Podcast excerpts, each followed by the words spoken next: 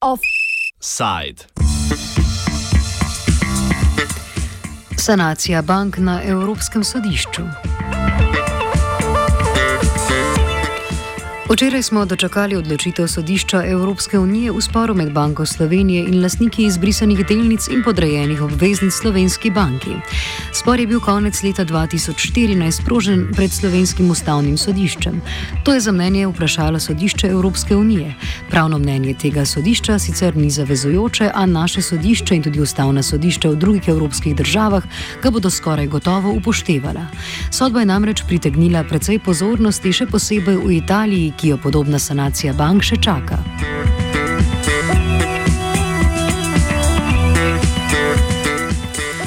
Osnovna težava pri reševanju bank je, da je pomembne banke z veliko komitenti praktično nemogoče poslati skozi stečajni postopek. To bi namreč pomenilo, da vrčevalci v banki ne bi mogli do svojega denarja. Prišlo bi tudi do težav pri denarnih nakazilih in kreditiranju za podjetja, ko banka ne ustreza več kapitalskim zahtevam, ki jih določata zakon in centralna banka, se zato države ponavadi odločijo za dokapitalizacijo. Drugače namreč tvegajo naval na banke, zaradi katerega bi morala banka prenehati s poslovanjem.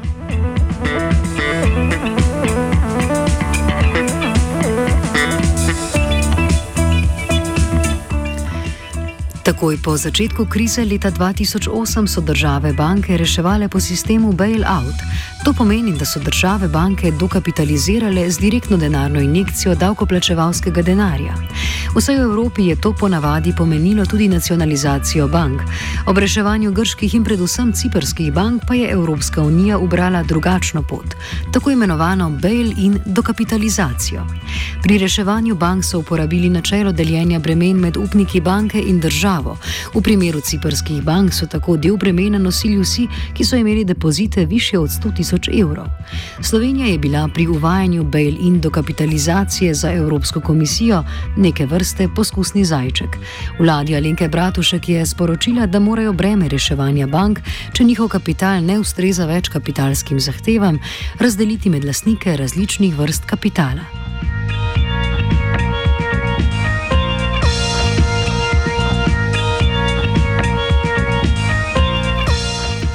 Leta 2013 so bile sprejete spremembe zakona o bančništvu. Te so skladno s priporočili Evropske komisije omogočile sanacijo bančnega sistema po sistemu bail-in. Ta sistem je predvideval delitev bremena reševanja bank glede na prednost, ki bi je bili deležni investitorji v primeru stečaja banke. Investitorji so v banke investirali preko različnih vrednostnih papirjev, od navadnih in podrejenih obveznic do najbolj tveganih delnic. V primeru stečaja banke bi njeni investitorji denar denar izgubili, glede na to, kakšno prednost ima njihov vrednostni papir. Prvi so izbrisani lastniki navadnih delnic, sledijo jim podrejene obveznice in tako naprej. Enak sistem je bil uporabljen tudi pri delitvi bremena do kapitalizacije bank.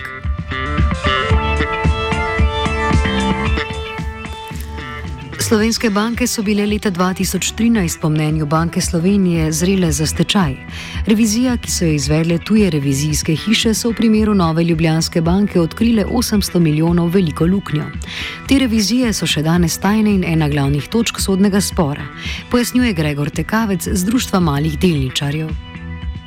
Bančno luknjo smo zaračunali tako, da je Banka Slovenije ocenila kapitale vseh bank za vseh za vse banke je ugotovila negativen kapital, kljub temu, da so vse banke poročale pozitiven kapital in te razlike so po več sto milijonov in to je v bistvu bistvo tudi in je sama podlaga bila, da se je lahko šlo v, v sanacijo bank. Zdaj, težko bi rekli, da je z bankami bilo vse v redu, ne? v nekem momentu celo nekateri zdaj govorijo, da, da to mi trdimo, to ni res, verjamemo, da so banke bile v težavah. Eh, vendar pa te težave je potrebno oceniti na nek normalen način. Ne. Eh, tukaj so pa cenitve izvajale svetovalne družbe, mimo vseh standardov, kaj šele mednarodnih računovodskih in eh, do danes nismo niti ene take cenitve videli, da bi lahko sploh ugotovili, kje je prišlo do razlike. Zdaj, tipičen primer teh razlik so recimo vrednostni papirji, ki so bili celo na borzah in te vrednostne papirje so se v cenitvah uh, obračunavali z 70 odstotnimi diskonti in podobno. tržni vrednostni papir, ki ga lahko vsak trenutek nekdo proda na borzi, mislim, da se ne zasluži no, nikakršnega diskonta, če pa že pa največ 5 do 10 odstotkov, ne pa 70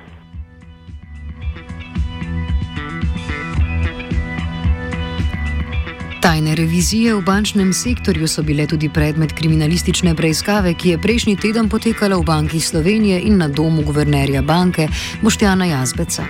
Vodstvo banke ustraja, da gre za dokumente v lasti Evropske centralne banke, ki jih slovenski kriminalisti ne bi smeli odnesti iz banke.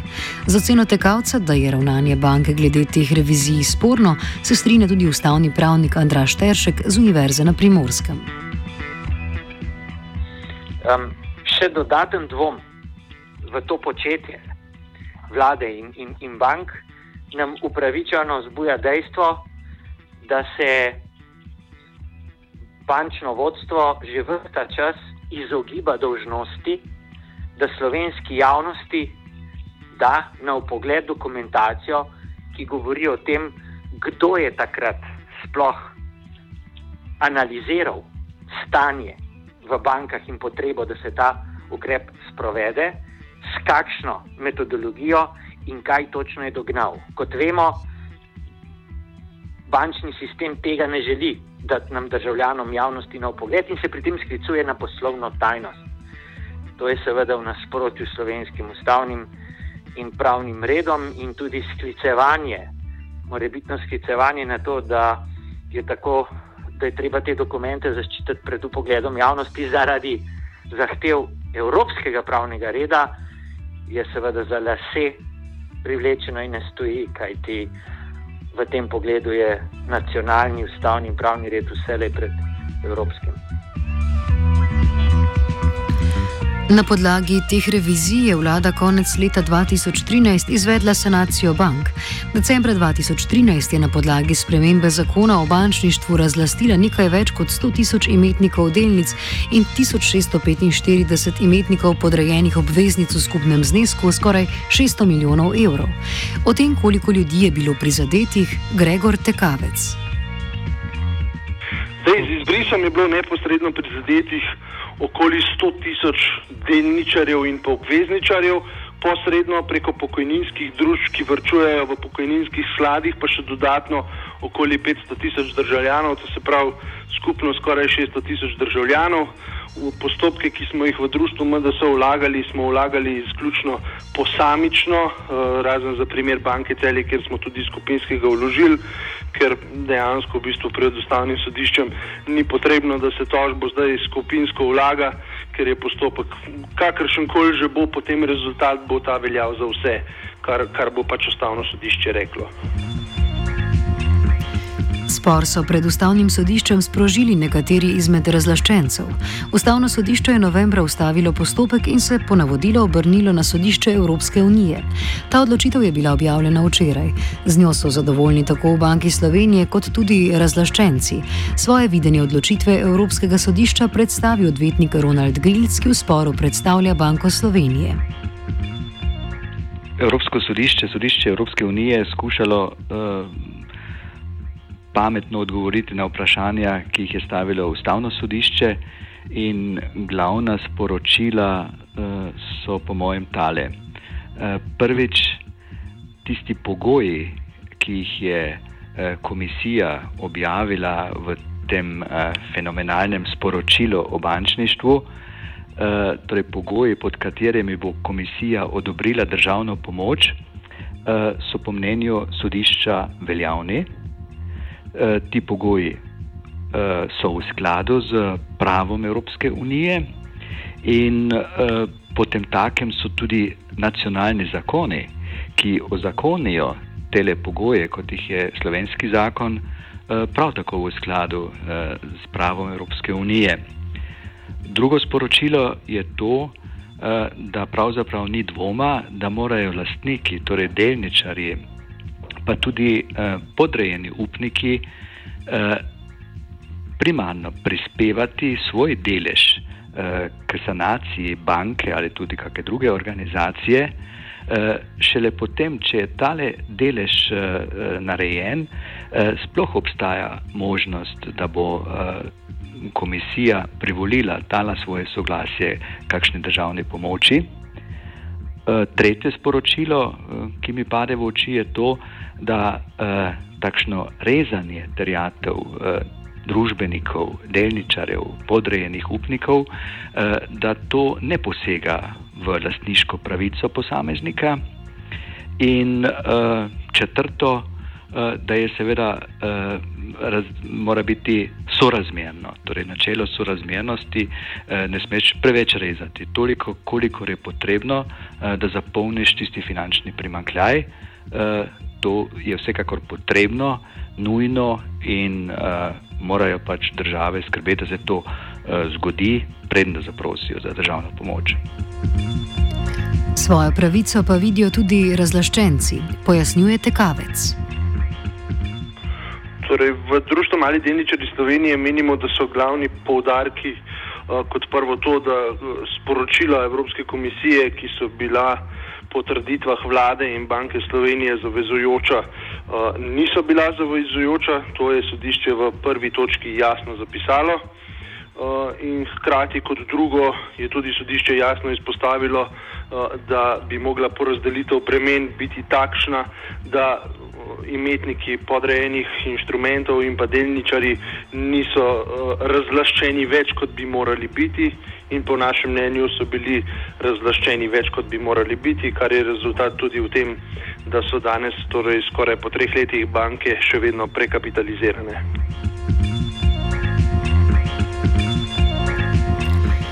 Z mnenjem malih delničarjev se strinja tudi Andraš Teršek v tem odgovoru jasno piše tisto, kar je za rešitev tega primera pravno bistveno. In to je, da je končna odločitev še vedno v rokah slovenskih sodišč, ne? da ta odgovor iz Luksemburga v ničemer niti ne prejudicira končne odločitve. Ne? niti jo vsebinsko ne omejuje. V tem odgovoru piše samo to, da prvič, tak način komunikacije, kot je takrat stekel med vlado, pa, pa organi in telesi ali pa birokrati Evropske unije, ni sam po sebi nič neobičajnega in tudi ne, nespremljiv. Drugič, um, tam jasno piše, da je država zavezana priporočilom in smernicam, ki prihajajo iz Brusla, ne, vendar pa so te smernice še vedno in ta priporočila tako abstraktni ne, in je znotraj toliko manevrskega prostora, da je država še vedno tista, ki potem se odloči za nek konkreten ukrep. In piše tudi to, in to je bistveno, ne, da tudi v tem primeru Slovenija ni bila dolžna, da nujno izvede ta ukrep, torej da razlasti imetnike teh podrejenih obveznic, ampak se je to odločila po lastni presoji, ker je očitno menila, da to je potrebno storiti, brez da bi jo k temu prisilila Evropska unija. Po mnenju malih delničarjev in težka bo breme dokaza sedaj na Banki Slovenije. Po njihovem bo ta morala dokazati, da je bila razlastitev zaradi kritične situacije v bančnem sektorju neizogibna.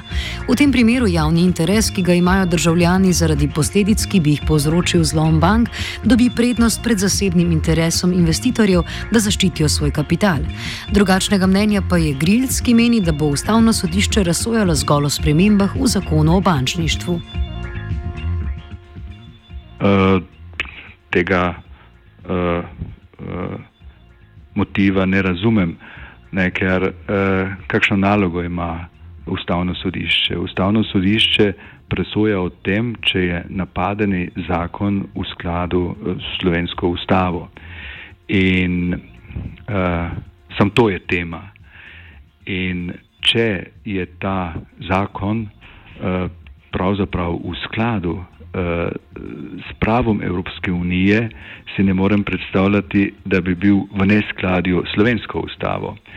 In uh, kot primer lahko povem, tudi avstrijsko ustavno sodišče je lansko leto odločalo o čisto slični zadevi. Šlo je za isto zadevo, koliko morajo podrejenci eh, prispevati, koliko morajo eh, eh, delničari prispevati.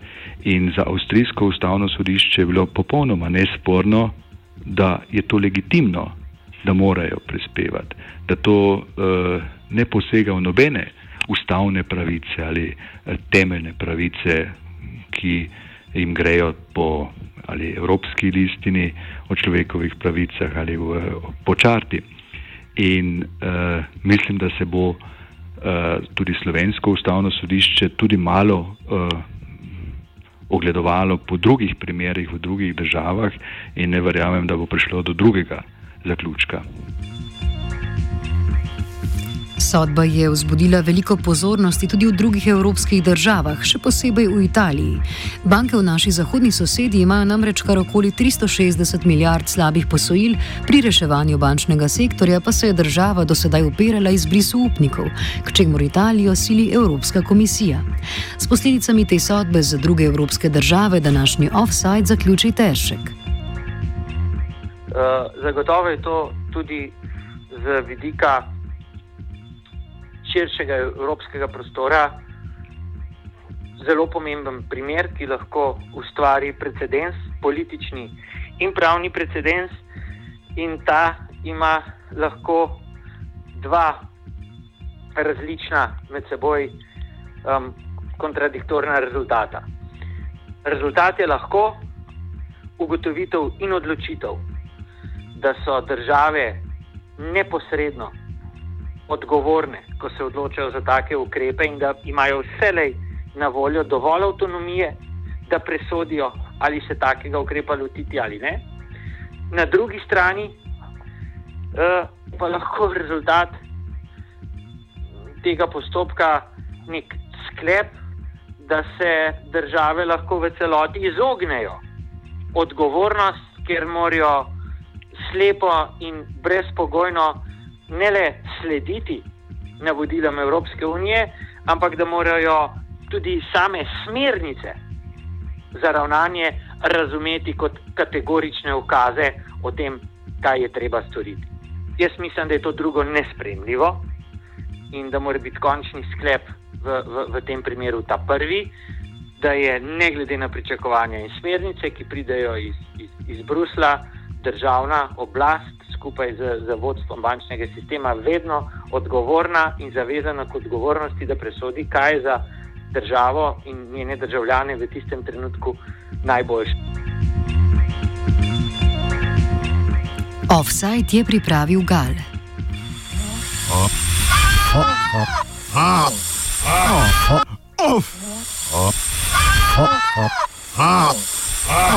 Offside.